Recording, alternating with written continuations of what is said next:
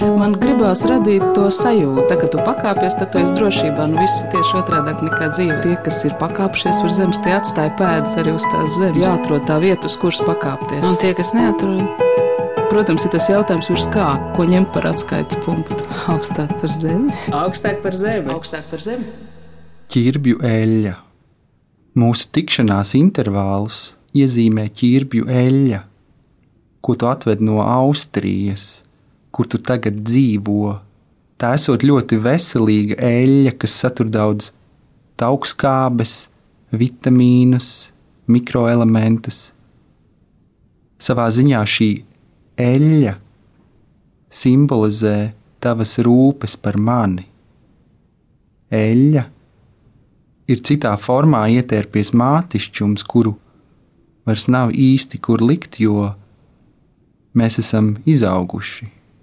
Kad pudele tuvojas beigām, zinu, ka pavisam drīz tu atkal atbrauksi, un pavisam noteikti tavā čemodānā būs atradusies vieta vismaz vienai ķirvju eļļas pudelei. Esiet sveicināti! Krišjāns Zeļģis, dzēnieks un aldaris.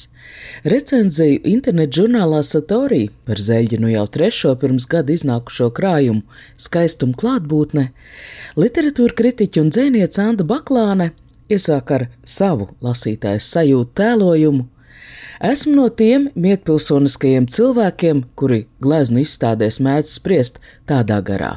Lūk, šo es gribētu virtuvē, vai šī ir ģeniāla un iespaidīga, bet mājās es tik traku neturētu. Krišāņa zeļa dzējoļi man vienmēr bijuši kā bildes, kuras visas pēc kārtas varētu likt mājās pie sienas. Tie atspoguļo manu gaumi, pasaules izjūtu, uzskatus, turklāt nedraud ar šokējošām vai muļķīgām enerģijām. Mans vārds ir Anna Buševica, un tas man šķiet trāpīgs raksturojums. Krišāna zeļķa dzēs garšai būtu grūti atrast kādas pārākās pakāpes, unikalitāti pamatojošus vārdus, bet arī es visas šīs bildes gribētu pie sienas. Un man ir jāpiekrīt tiešām ļoti vizuāli vērojumā balstīt liekas šie dzējoļi. Bieži vien tas jā, kaut kā notiek vai izaug no kaut kādiem vērojumiem. Tad tas vizuālais ir kaut kā sanācis diezgan būtisks. Jā. Krišāns Zeļģis nāk no Talsiem. Pilsētas bibliotēkas uzturētajā dižļaužu digitālajā biogrāfija vārnīcā viņam veltītajā šķirklī var diezgan daudz uzzināt par viņa iesācēju soļiem dzējā.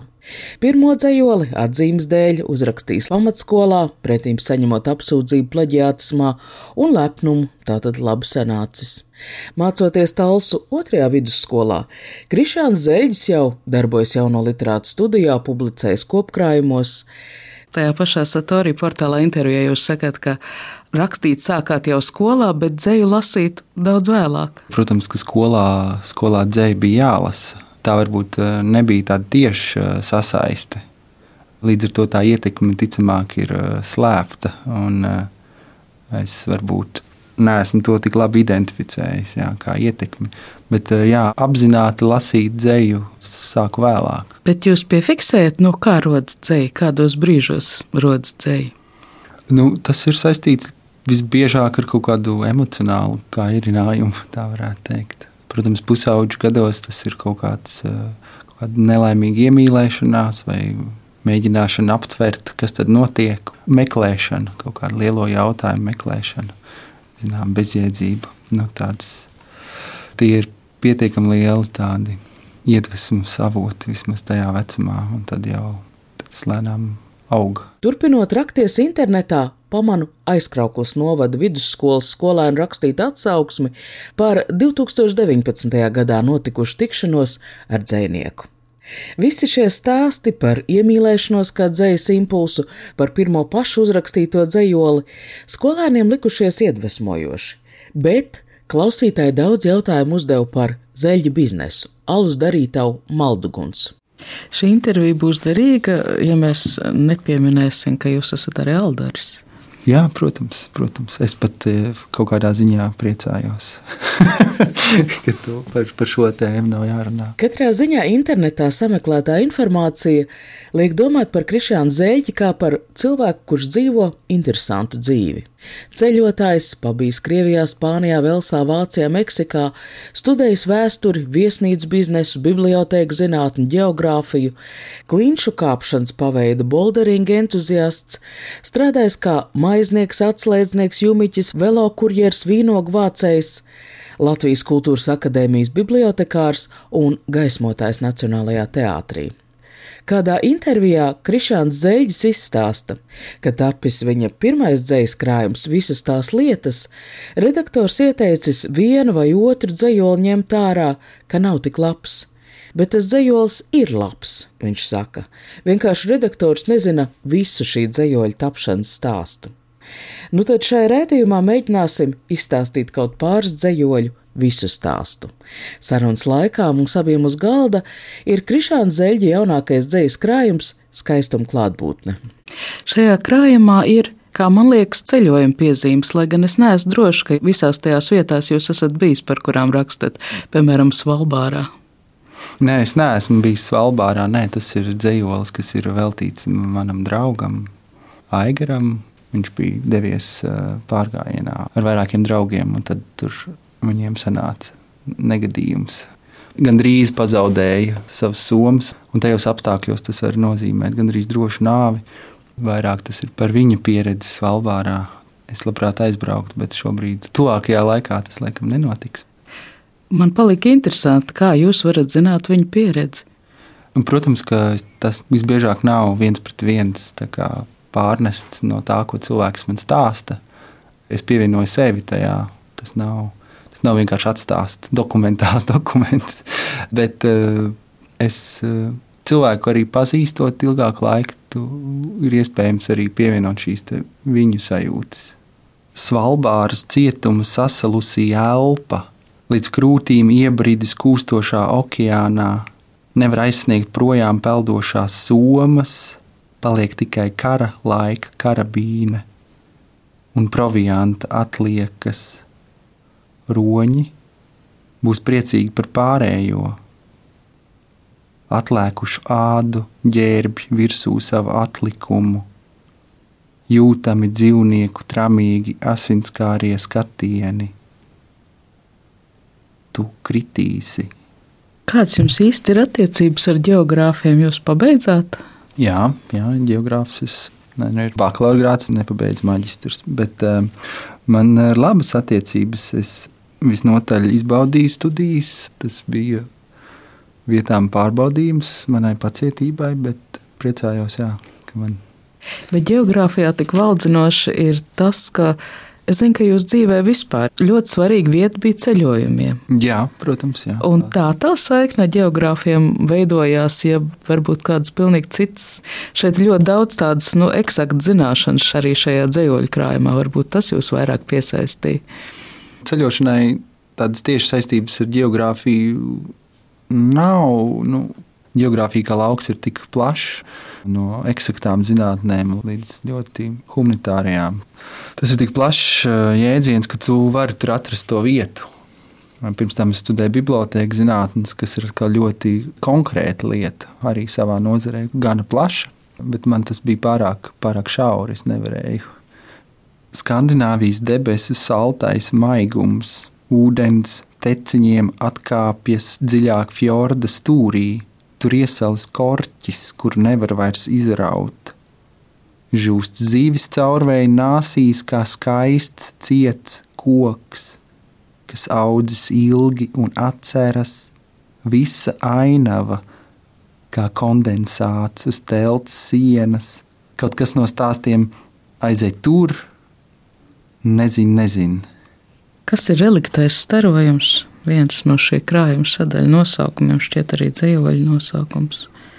Reliktais starojums ir um, elektromagnētiskais starojums, kas ir um, palicis pāri no lielās sprādziena, kas tiek uzskatīts par visumu sākumu. Mm, visnotaļ vienmērīgi visos uh, virzienos, kuros mēs raugamies, visumā viņš ir šis te, tāds uh, fona starojums, kurš ir uh, vienmērīgi izklājies pa visu, kā no miega pietrausies, šņācošā visuma jūrā, radio viļņi. Klusiņām saku, it kā kāds dzirdējis piekristu. Reliktais starojums turpina mūs vajāt, nejautājot, vai mēs gribam te atrasties, rādio viļņi, jo daudz klusāk vadu no rozetes izrauj guļoša roka. Nakts tumsā tu atnāci. Mani fascinē cilvēka spēja izlikties, ka mums nav ļoti ierobežots laiks uz šīs zemes, gan kā individiem, gan kā sugai, gan kā droši vien visai dzīvības formai kā tādai. Jo ir skaidrs, zināms, ka kaut kādā brīdī saule izplatīsies un dzīvības zemes vairs nevarēs pastāvēt. Un, manuprāt, bieži mēs sakām, nē, nu, kāpēc vajag tik drūmi, vai ne? Taču ir taču viss skaisti un viss ir kārtībā. Un, un, protams, ka kaut kādā mērā nav nepieciešams sevi katru dienu bojāt garstāvokli, bet tajā pat laikā ir vērtīgi atcerēties, ka mums visiem ir ļoti ierobežots laiks. Uz laiks ir mūsu vienīgā, patiešām vērtīgā valūta, kuru mēs dažādos veidos ļoti viegli notriecam un izturamies, ka mums ir, mums ir bezgalīgi daudz šīs valūtas, bet tā jau tas nav. Kas ir nekas? Es vainoju entropiju pie neveiksmīgām attiecībām, galvas sāpēm vai to, ka gadiem krātā pieredze izrādās lieka. Savā ziņā visa cenšanās ir lieka, jo hauss turpina pieaugt. Pat ja liekas, ka gadiem ejot, viss pamazām sakārtojas, tā ir ilūzija. Ko tur, dārgā piemiņā, lai šī eksistence neliktos vairāk smacējoša kā nepieciešams, kad saule izplešoties, būs aprījusi zemi, un pēdējais oglekļa organisms būs atstiepies, tajā brīdī un tikai tajā brīdī varēs izvērtēt, cik jēgpilns ir bijis dzīvības cikls šajā visuma nostūrī. 2016. gadā iznāk Krišāna Zeļģa otrais dzējoļu krājums Zvēri, tagad tulkots vairākās valodās, ienesot Krišānu Zeļģi kā dzinieku arī starptautiskā apritē. Jūs arī nu pat esat nesen atgriezies pāris dienas no ceļojuma no Vācijas. Ko jūs tur darījāt? Jā, es biju Vācijā, ķelnē, dzējas festivālā Elk, kas tiek rīkots eh, trešo gadu samērā jauns festivāls, kuru varētu teikt, eh, veidotāji veido sev kaut kādā mērā, un līdz ar to tas festivāls ir ļoti draudzīgs un iekļaujošs un tāds mazliet gandrīz ģimenisks. Es jutos ļoti, ļoti labi, kā atradis kaut kādu pazudušu draugu grupu. Tas bija pārsteidzoši emocionāli spēcīgs festivāls.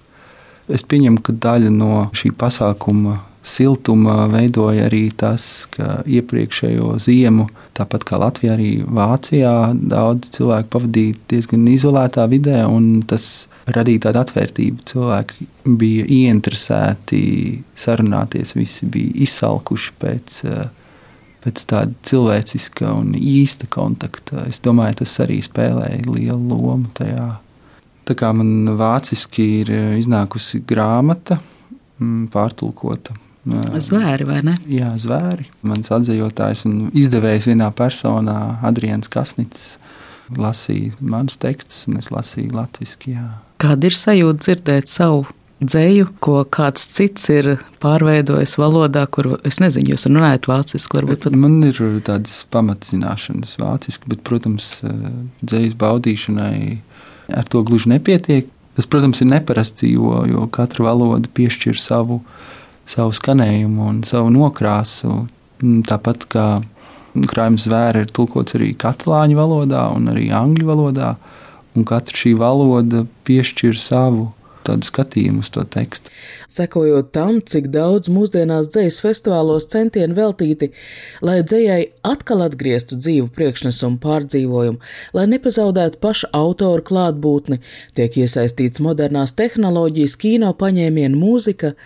Man rodas iespējas, ka mūsdienās arī dzinieks vairs nav tikai dzinieks, bet drīzāk izpildītāja mākslinieks, starpvalodu komunikācijas ģēnijs. Bieži vien jau katrs lasījums un katrs festivāls ir ļoti atšķirīgs. Un, un tur ir daudz faktoru, kāpēc kaut kas varbūt strādā un kaut kas nestrādā.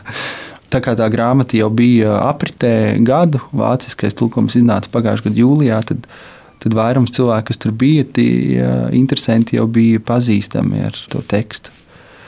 Grāmata bija izvirzīta arī Vācijas valodas aģentūra, laikam tā būtu korekti to saukt, kas izvirza katru gadu labākos tulkojumus un arī vienkārši labāko grāmatu sarakstu. Un tajā sarakstā ir arī šis krājums. Tas devis šai grāmatai tādu papildus, papildus interesi, jo grāmata nonāk bibliotekās, viņi ir grāmatu veikalu plauktos, un tas ir vienkārši arī patīkami ķelnē veikalā redzēt savu grāmatu. Tas norāda, ka tulkojums ir ļoti labs, ka ir iespējams pārnest, eh, pārnest to tekstu un saglabāt to, ko es vēlos pateikt. Krišāns Zeļģis arī pats ir atzējotājs, atzējojis Nadjas Devrīsas dzējkopu, Alises Konranas dzējoļus, kopā ar Ivaru Steinbergu, Aleksandra Menšikau krājumu 17 dzējoļi.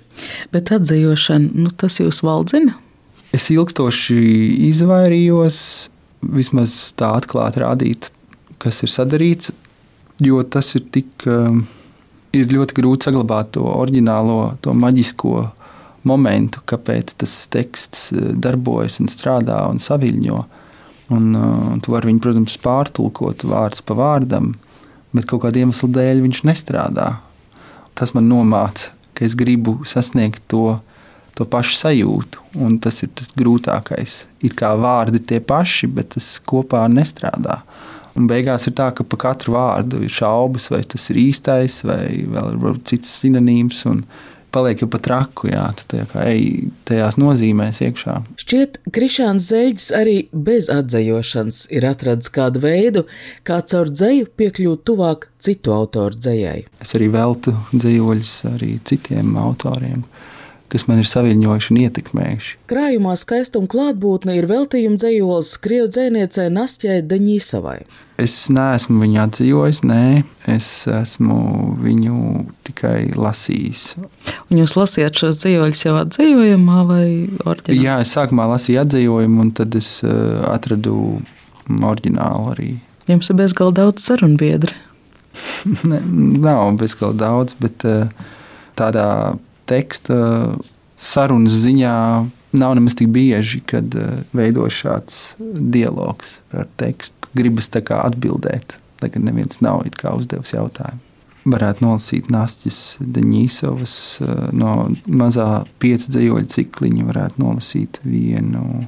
Tu paspēji, pabraukājies ar autobusu, ar metro divas pieturas un teciņus atskrēji līdz kanāla prospekta stūrim, turklāt ar glītu sasuku, ar tērpu, ko izcelt sarunai. Es nebūtu paspējis, tu paspēji. Šajā krājumā skaistuma klātbūtne jums ir vairāk veltījumu dzīvoļu. Staņislavam Petrovam, Rainaram Rupam, Matiasam Rustam. Tie konkrēti nav veltījumi dzīvoļi, gluži tie ir varbūt dzīvoļi par šiem cilvēkiem. Kā jūs satikāt šos cilvēkus? Kas viņi ir? Apvieno nosaukums Brīvības trio. Brīvības trio tas ir vēsturisks personis. Es neesmu ar šiem cilvēkiem pazīstams. Ne visi no viņiem ir dzīvi vairs.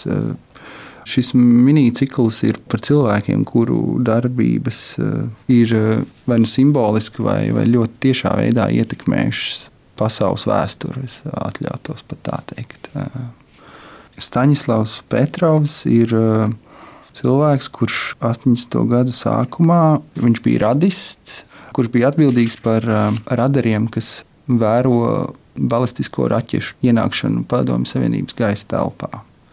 Un viņa uzdevums ir uh, šo saņemto informāciju nodot tālāk.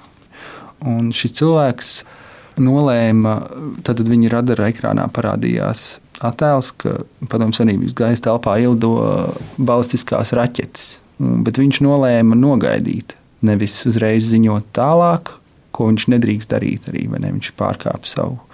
Izdarot šo nogaidošo darbību, viņš novērsa atomkaru, jo viņam likās, ka tur ir kaut kāda tehniska problēma, nevis patiešām notiek uzbrukums, un viņam izrādījās taisnība. Viņš pēc izglītības bija inženieris, Viņam bija iespēja kā, saprast, kas tad īsti notiek aiz, arī aiz ekrāna, vai ne, ka tā ir tehniska ķibele. Un šāds te klusais varonis, kuru vārdu jau mēs vairs neatceramies, un mēs jautājam, kas tad ir Staņislavs Petrovs. Šis cilvēks eh, ir izglābis mūs Nu, mēs kā Latvija bijām padomju savienības sastāvā, visticamāk. Rīga arī būtu sabumbota. Droši vien tas būtu tā vai citādi civilizācijas gals vai kaut kas tamlīdzīgs. Man tas likās ļoti spēcīgi, ka šāds te, varētu teikt, vienkāršs mazs cilvēks ir izdarījis kaut ko tik nozīmīgu. Jūs nekādu to neatšifrējat. Jā, nu, tādā mūsdienu Wikipēdijas laikmetā jau ļoti viegli ir noskaidrot daudzas lietas. Jautājums, protams, vai cilvēks to vēlas, un visas nozīmes nav jāatklāj. Un, Raineru Rupu un Matijas Rustu es arī atradīšu. Jā, jā, arī šos jūs atradīsiet Wikipēdijā.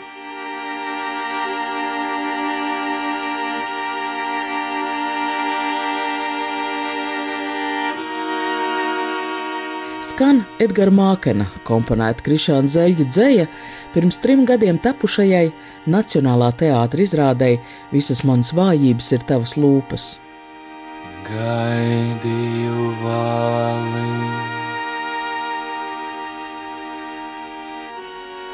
Pirms tam pāris dienas ēdu dažādas jūras veltes. Trīnu dunci kaut zināju, ka tikai skatīšos.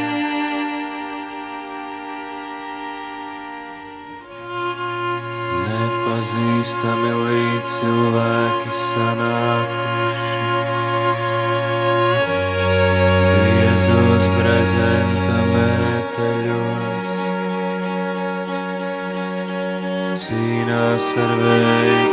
Skatās turpat, kur es.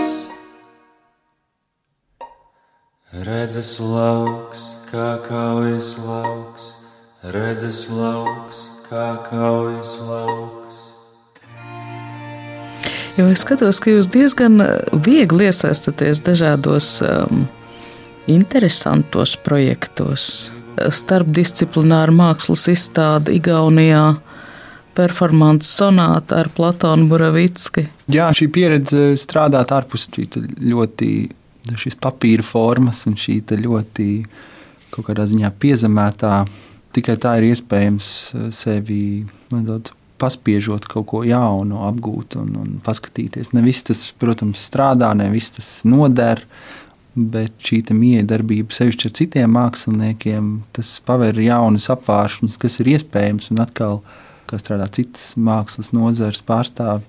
Šī miedarbība man interesē, un, un es esmu jau vairāk kārt minējis, ka Platons Burovickis man ir eh, tāds iedvesmojis man daudz ko darīt, kuras lietas, par kurām es varbūt nebūtu tieši iedomājies. Es eh, tupētu savā kabinetā un rakstītu tikai par un ap sevi. Un šajā miedarbībā jau nu, piemēram, iegūstam kaut ko. Uz ko viņš jūs izprovocē? Tā nav kaut kāda ļoti konkrēta uh, lieta vai konkrēts dzējolis, bet domāt uh, par savu tekstu plašāk, neļauties tādai drošai sevis atražošanai, ka nepārtraukti meklēt jaunas formas un veidus, kā skatīties arī uz savu tekstu un, mm. un sevi uzlabot. Es vēlreiz vēlos atgriezties pie tēmas, ko jau mazliet skāru, ka mūsdienās būt dziniekam nozīmē diezgan brīvi pārvietoties starp valodām, zināšanu jomām, mākslu žanriem. Kā dzinieks var līdzdarboties vizuālās mākslas projektos? Lasu 2016. gadā piedalījies grupas izstādē Omega 3 Igaunijā Mostē. Tad ir jāatgriežas pie Survival Kit viena no festivāliem. Tas bija 2000. 12. gadā, un man bija performance, kas saucās Laika skaitīšana, kurā es lasīju eh, pilnīgi visas savas dzējoļus, ko es esmu sarakstījis. Un tas aizņēma, tagad precīzi neatceros, manuprāt, divas puses vai trīs stundas. Un eh, tajā Igaunijā es eh, veidoju darbu, kas saucās Laika skaitīšana divi. Tas bija fotorāmis, kurā bija iekšā caurspīdīga filma, un šīs filmas ir uzdrukāti tajā brīdī visi dzējoļi, ko es esmu uzrakstījis. Frāzes skan biedējoši, visi dzējoļi, ko esmu uzrakstījis. Lasījums bija diezgan grūts, jo sevišķi tie sākotnējie dzējoļi ir tādi, tagad skatoties, diezgan naivi un amatieriski un bieži vien pat nepatīkami, bet vienlaikus tā arī ir daļa no manis. Man liekas, nebūtu arī korekti noliegt, ka tas tā nav šis lasījums bija kaut kādā mērā jā, atskats uz, uz to, kas ir noticis, un arī atskats uz to, par ko es esmu kļuvis vismaz tajā laika nogriezienī. Vai pēc jūsu dzīvoļu krājumiem var kaut ko secināt par jūsu pašu vai jūsu liriskais, un kas notiek jūsu dzīvēm? Jo katrs no krājumiem tomēr rokrakstu var atpazīt uzreiz, bet tomēr atšķirās. Par pirmo jūs pats esat teicis, ka šie dzīvoļi ir ļoti romantiski, zvēri ir kardināli savādāki. Un tagad šis skaistuma klātbūtne, kur ļoti daudz tādu vērojumu grāmatām būtu jāatšķirās. Es domāju, tā ir laba zīme, ka kaut kas eh, mainās. Runājot par tādām atsaucēm uz mani kā cilvēku, tad uh, droši, nevis droši vien, bet tur ir tur es esmu. Bet uh, atšķirībā no, no pirmajiem diviem krājumiem, manuprāt, es uh, esmu pagājis malā pats kā, kā persona. Es vien mazāk izjūtu nepieciešamību ievietot sevi uzmanības centrā. Līdz ar to šeit varbūt vairāk ir, ja cenšos saprast citus cilvēkus, ne tik daudz sevi. Bet, protams, ka komunicējot ar, ar citiem, mēs jau arī iepazīstam sevi. Tas ir tāds labā nozīmē apburtais lokus. Bet kas ir jūsu ideāls dzējā? Tiešām sasniegt to minimālismu, zinām, tīrību. Droši vien, ka jā, vismaz ilgstoši meklēju, ja tā vienkāršojot teikt, kā lietojot pēc iespējas mazāk vārdu, pateikt pēc iespējas vairāk. Tagad es vairs neesmu tik drošs par to, vai ir nepieciešams uz to doties tā apzināti.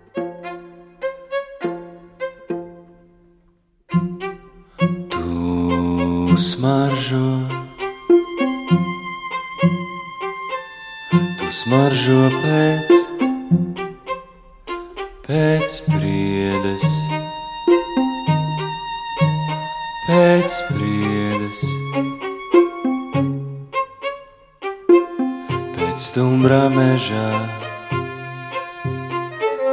kuram apkārt lāvās pludmales vērš, pludmales vērš.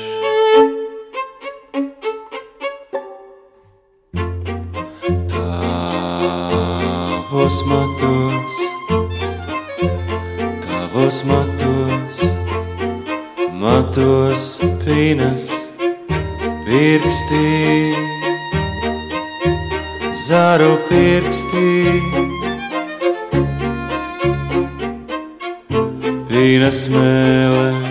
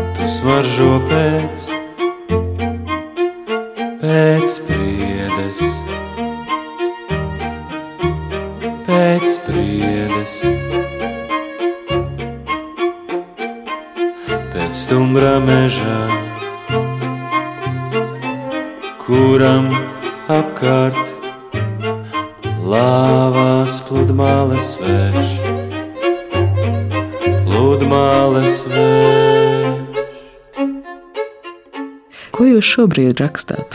Tā ir próza. Tieši šobrīd, jā, tieši šobrīd, jā. Pavisam drīz iznāks man vēl viens dzīslis krājums, pārsteiguma krājums. Ticamāk, ka oktobrī būs, būs tāds eksperimentālāks projekts. Bet tā būs dzēja. Bet tā būs dzēja. Ar Krišānu Zeļģi sarunājās Anna Bušvica, šī raidījuma skaņoperators Valdis Raitums. Tā kā tu pakāpies, tad tu esi drošībā. Nu, viss ir tieši otrādi nekā dzīve. Tas ir tā spēle, jā? Tie, kas ir pakāpšies virs zemes, tie atstāja pēdas arī uz tās zemes. Protams, ir tas jautājums, ko ņemt par atskaites punktu. Nē, nu, principā ir skaidrs, augstāk par zemi. Jāatrod tā vieta, uz kuras pakāpties. Augstāk par zemi. Augstāk par zemi. Augstāk par zemi.